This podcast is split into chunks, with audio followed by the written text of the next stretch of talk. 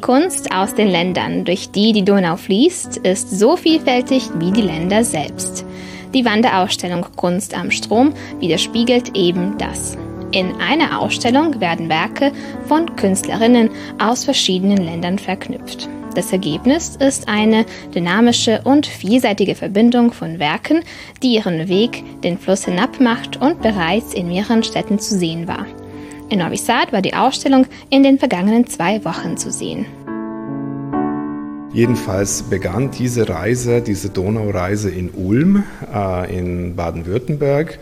Und es ist ja auch eine Initiative aus Baden-Württemberg, äh, letztendlich von der Kulturreferentin für den Donauraum am Donauschwäbischen Zentralmuseum und wird auch von vielen Institutionen übrigens äh, in Baden-Württemberg unterstützt.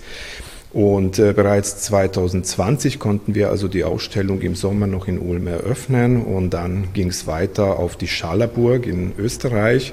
Und dann gab es tatsächlich eine sehr lange Pause, bis wir dann schließlich im Herbst letzten Jahres nach Kosice gehen konnten in der Slowakei. Und dieses Jahr kamen dann Peć in Ungarn, Zagreb in Kroatien, Timișoara oder Temesvar in Rumänien und jetzt sind wir hier bei Ihnen. Und dann gibt es noch eine Station, nämlich äh, Sofia in Bulgarien. Also wir folgen dem Strom. Die KünstlerInnen, dessen Werke in der Ausstellung umfasst sind, kommen nicht nur aus verschiedenen Ländern, sondern sie sind auch Vertreter verschiedener Generationen.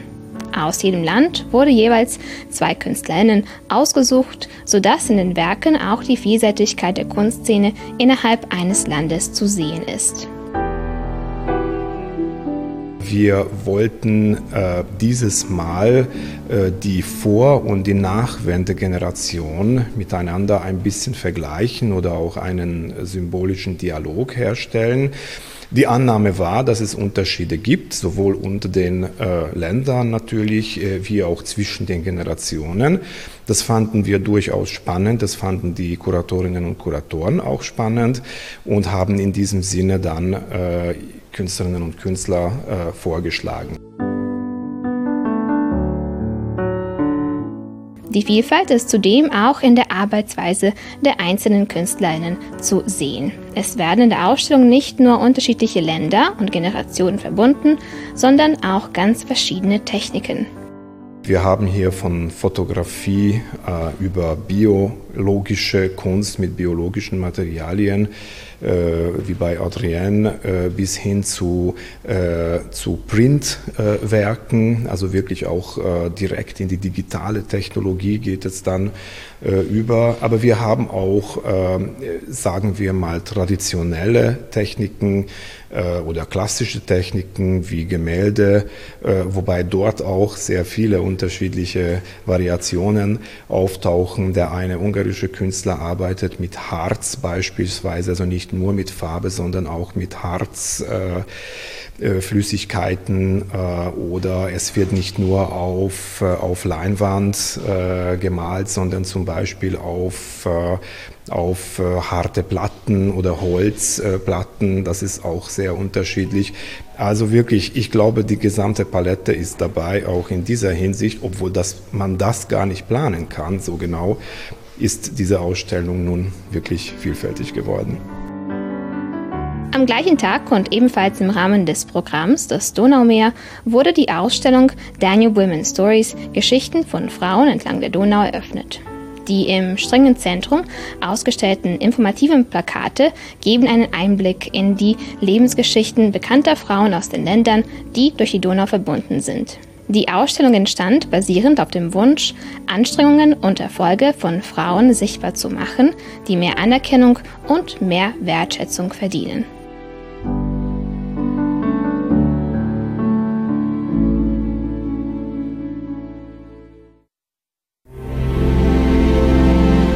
Gledate paletu. Izbor iz emisija na jezicima nacionalnih zajednica.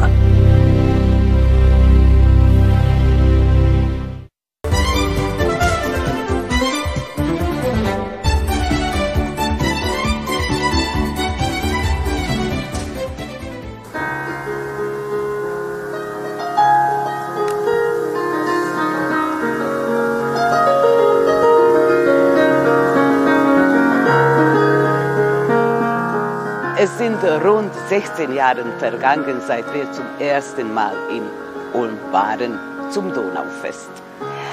Also mein lieber Kollege, der berühmte Komponist und Pianist, ist seither ein regelmäßiger Teilnehmer der Donaufest, dieser Manifestation, die uns so lieb ist.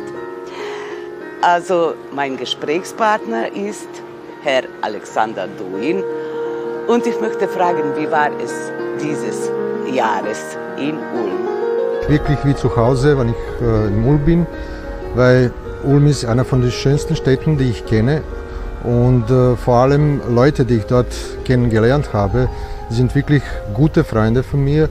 Und es ist äh, deswegen äh, wirklich eine große Vergnügen, mit denen zu, zusammen zu spielen und äh, zusammen zu sein, zum, zum Diskutieren, zum, zum Sprechen. Und es war immer bis jetzt wirklich wunderschön und genauso wie war, es war heuer auch so. Und wir haben wieder gespielt, äh, Donau Festival. Äh, und äh, waren wirklich viele Leute, das haben alle gesagt, dass, äh, äh viel mehr, viel mehr Besucher waren heuer als, als in vergangenen Zeiten. Und äh, es war wirklich schön, mit denen Musik zu mitteilen, weil äh, es war wirklich sehr inspiriert und äh, wir haben uns wirklich bemüht, eine gute Atmosphäre beizubringen, weil in die letzten drei Jahre war deswegen äh, Pandemie nicht möglich und es war nach längerer Zeit wieder möglich, äh, zusammen zu sein, zusammen zu spielen. Und äh, außerdem habe ich mit äh, Herrn Gunther Zisch, äh, Oberbürgermeister von Ulm, ausgemacht, wir werden wieder 8. Äh, März nächstes Jahr im Novi Sad spielen. Ähm, und ich hoffe, es wird wieder so schön, so schön sein wie vor drei Jahren, als wir 2019 äh, gespielt haben. Äh, es sollte dann wieder im Donaubüro in Ulm stattfinden nach zwei Tagen, dass wir wieder zusammen hin, hinfliegen und, und dort wieder Konzert machen.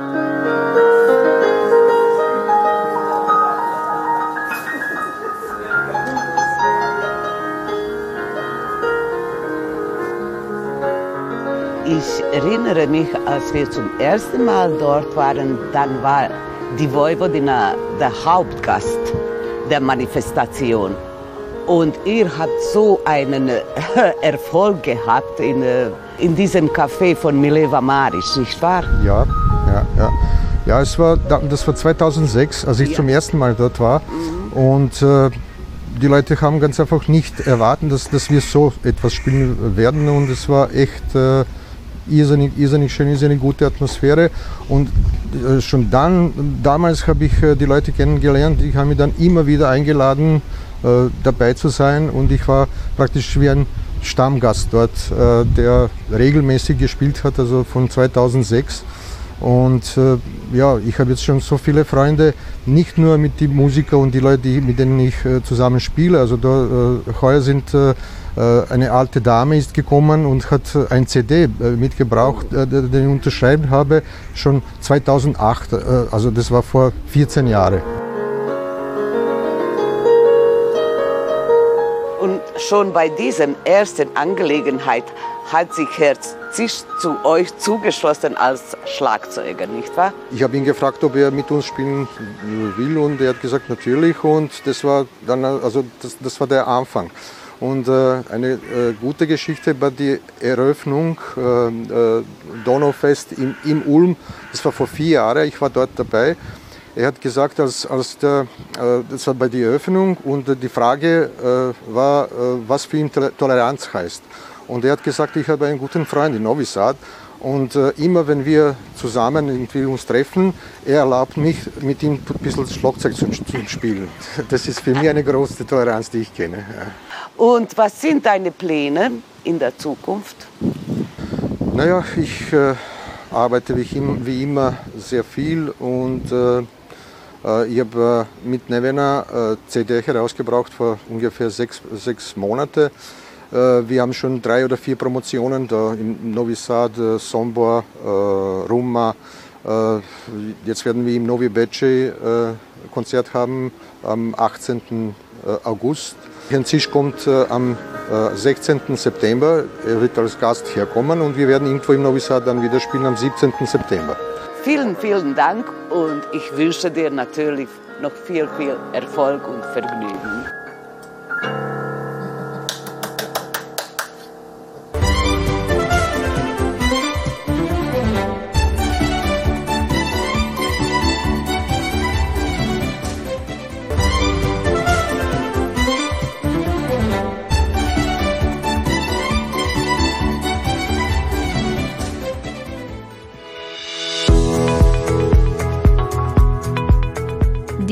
TID-Regatta Tour International Danubien ist die größte und längste Flussregatta der Welt.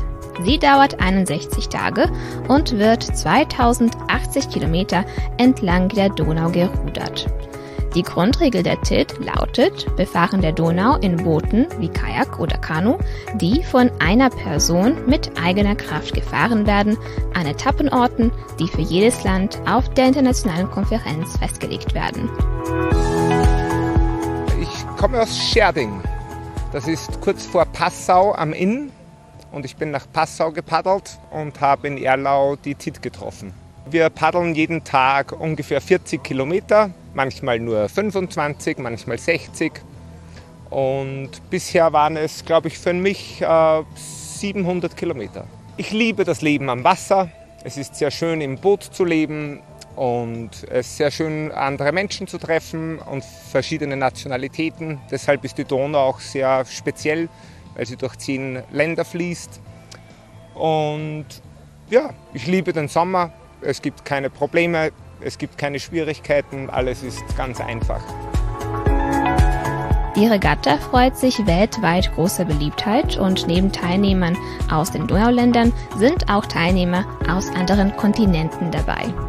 Bei der Regatta sind Kinder, Erwachsene und Senioren beiderlei Geschlechts vertreten. Bin ich hier unterwegs. Wir kommen aus dem Süden von Deutschland, vom Bodensee, an der Grenze zu Österreich und zur Schweiz. Und wir sind in Ingolstadt gestartet und wollen bis nach Silistra fahren. Das heißt, derzeit haben wir etwa etwas mehr als die Hälfte der Tour hinter uns. Are you first time or not? Wir waren schon einmal hier im Jahre 2003. Dort sind wir in, Mohac gestartet und bis Kladovo gefahren. Äh, jetzt wir, sind wir Rentner, also in Pension und dementsprechend haben wir die ausreichend Zeit und fahren die gesamte Strecke äh, vom Anfang bis zum Ende. Ich mag die Donau sehr. Sie ist sehr unterschiedlich. In Deutschland sehr viel schmaler, auch sehr viel verbauter, auch in Österreich. Da gibt es die ganzen Stauwerke. Jetzt hier in, ähm, in Ungarn gab es schon gar keine Stauwerke mehr und bislang Jetzt äh, die Donau wird sehr viel breiter und was mir besonders gut gefällt hier, das sind die Sandbänke. In Deutschland und in Österreich, da hatten wir die Kiesbänke. In Deutschland waren schon richtig große Steine, war auch schön. Und hier haben wir jetzt den feinen Sand. Das gefällt mir noch besser. Die Regatta startet alljährlich am 26. Juni im deutschen Ingolstadt und endet am 28. August im bulgarischen Silistra. Dieses Jahr lief sie Ende Juli in der Nähe von Apatin in unser Land ein und verlässt es wieder Mitte August in der Nähe von Brza Palanka.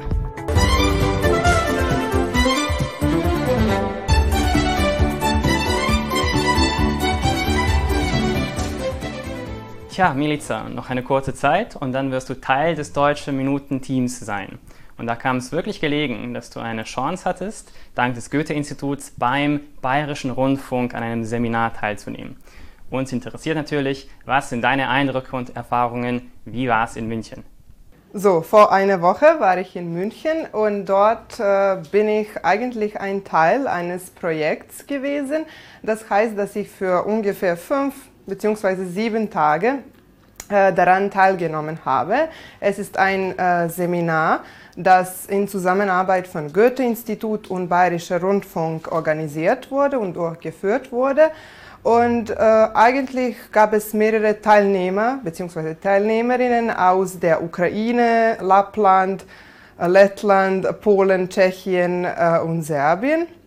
Und dort äh, eigentlich hatten wir ein sehr buntes Programm. Äh, das heißt, dass wir neben Vorlesungen von unterschiedlichen Experten im so journalistischen Bereich, aber auch einige Medienexperten, das heißt eine Kabarettistin, äh, ein Musiker, daneben auch ein Regisseur.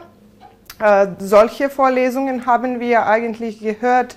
Daneben gab es unterschiedliche Workshops und am Ende des, äh, der Woche ja, mussten wir auch ein Projekt selbst äh, arrangieren, sozusagen. Äh, und ich mit meinem äh, Team habe ich an einem so Interview, Video-Interview gearbeitet und am Ende hat es wirklich gut geklappt. Du studierst doch gerade Kommunikologie. Ähm, heißt es, dass manches davon, was du in München gelernt hast, dir schon bekannt war? Oder war das Ganze eine neue Welt für dich? Jein, äh, vor allem muss ich sagen, dass äh, die äh, Arbeitsweise an der Bayerischen Rundfunk ähnelt dem an RTV und auch RTS, äh, wovon ich eigentlich viel gelernt habe. Aber es war ganz anders, wirklich in einer realen Umgebung so zu erleben. Und das äh, fand ich äh, sehr nützlich dass ich auch solche Erfahrungen dann weiter nutzen kann. Noch eine letzte und wohl die wichtigste Frage. Freust du dich schon darauf, bei den deutschen Minuten zu arbeiten und was erwartest du davon? Ja, es ist so knapp ein Monat. ich kann nicht darauf warten.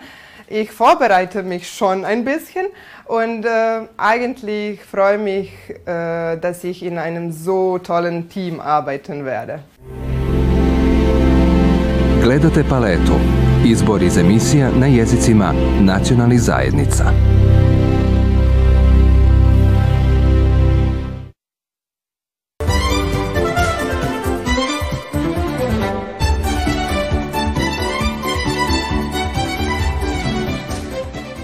Heute ist der 10. August und wir melden uns vom Campgelände des Roten Kreuzes in der Nähe von Batschki Monostor.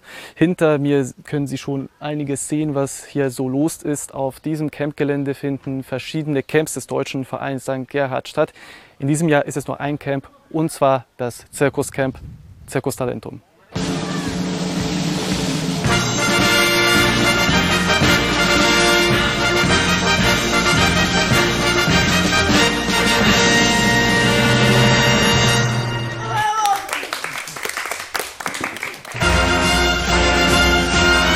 Der Deutsche Verein Gerhard organisiert sein Camp mit dieser Thematik zum dritten Mal. Durch die Unterstützung der Donauschwäbischen Kulturstiftung des Landes Baden-Württemberg konnten sich die Teilnehmerinnen und Teilnehmer vom 10. bis zum 20. August auch dieses Jahr auf 10 Tage Spaß und Gelächter freuen. Teilnehmer kommen aus unterschiedlichen Ländern. Dieses Jahr haben wir Teilnehmer aus äh, Rumänien, Ungarn, Kroatien und Serbien. Äh, insgesamt 25 Leute. die Teilnehmerzielgruppe sind die Jugendlichen, die dann Deutsch als Fremdsprache lernen. Und wir machen solche grenzüberschreitende also Freizeiten, damit sie sich vernetzen, damit sie ihre deutsche Sprachkenntnisse verbessern. Und natürlich also dazu brauchen wir dann Referenten, die dann als Muttersprachler aus Deutschland kommen und dieses dieses Mal ist das Thema zum dritten Mal, wie Sie schon gesagt haben, äh, das Zirkus.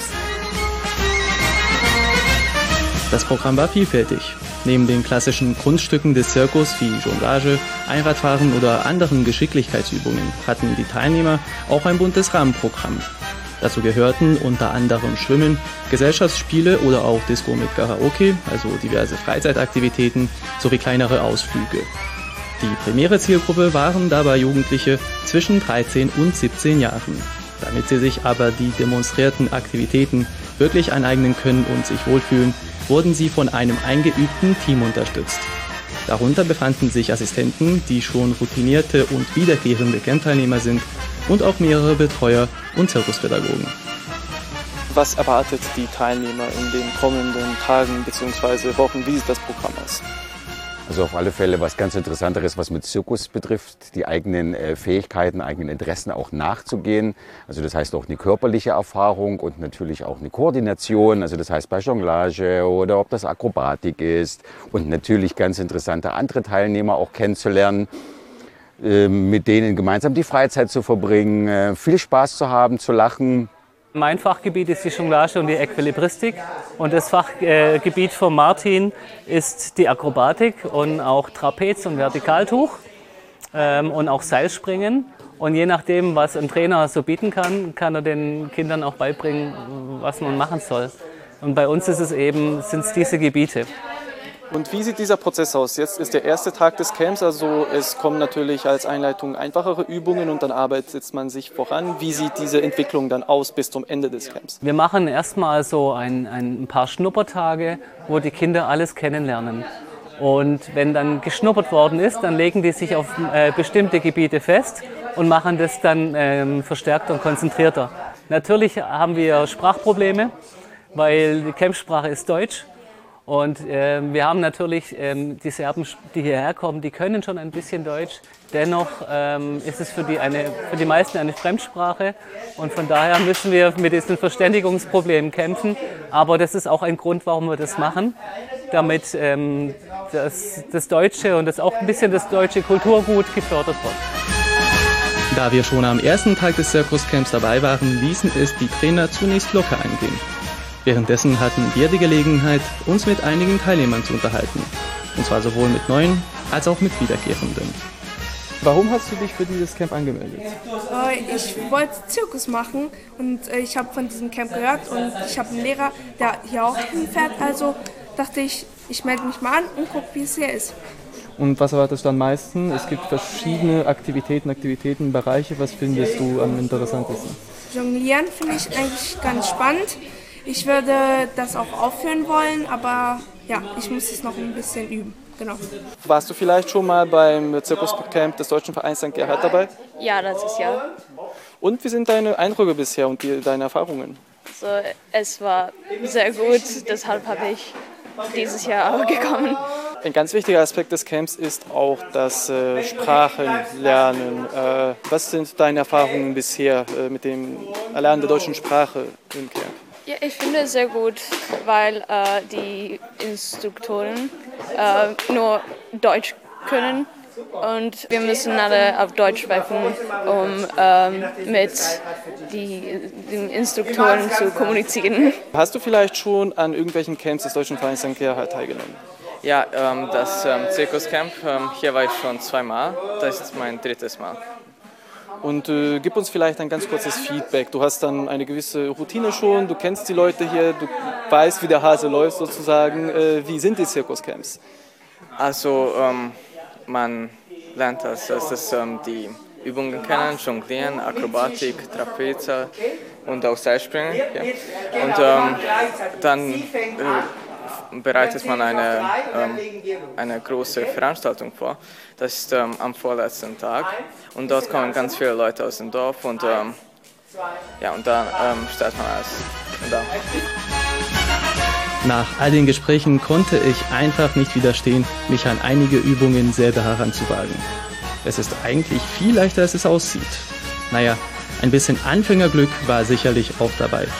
Die Teilnehmer hatten aber bis zur erwähnten Abschlussveranstaltung den Dreh raus. Als großes Finale fand nämlich am 18. August eine Aufführung statt.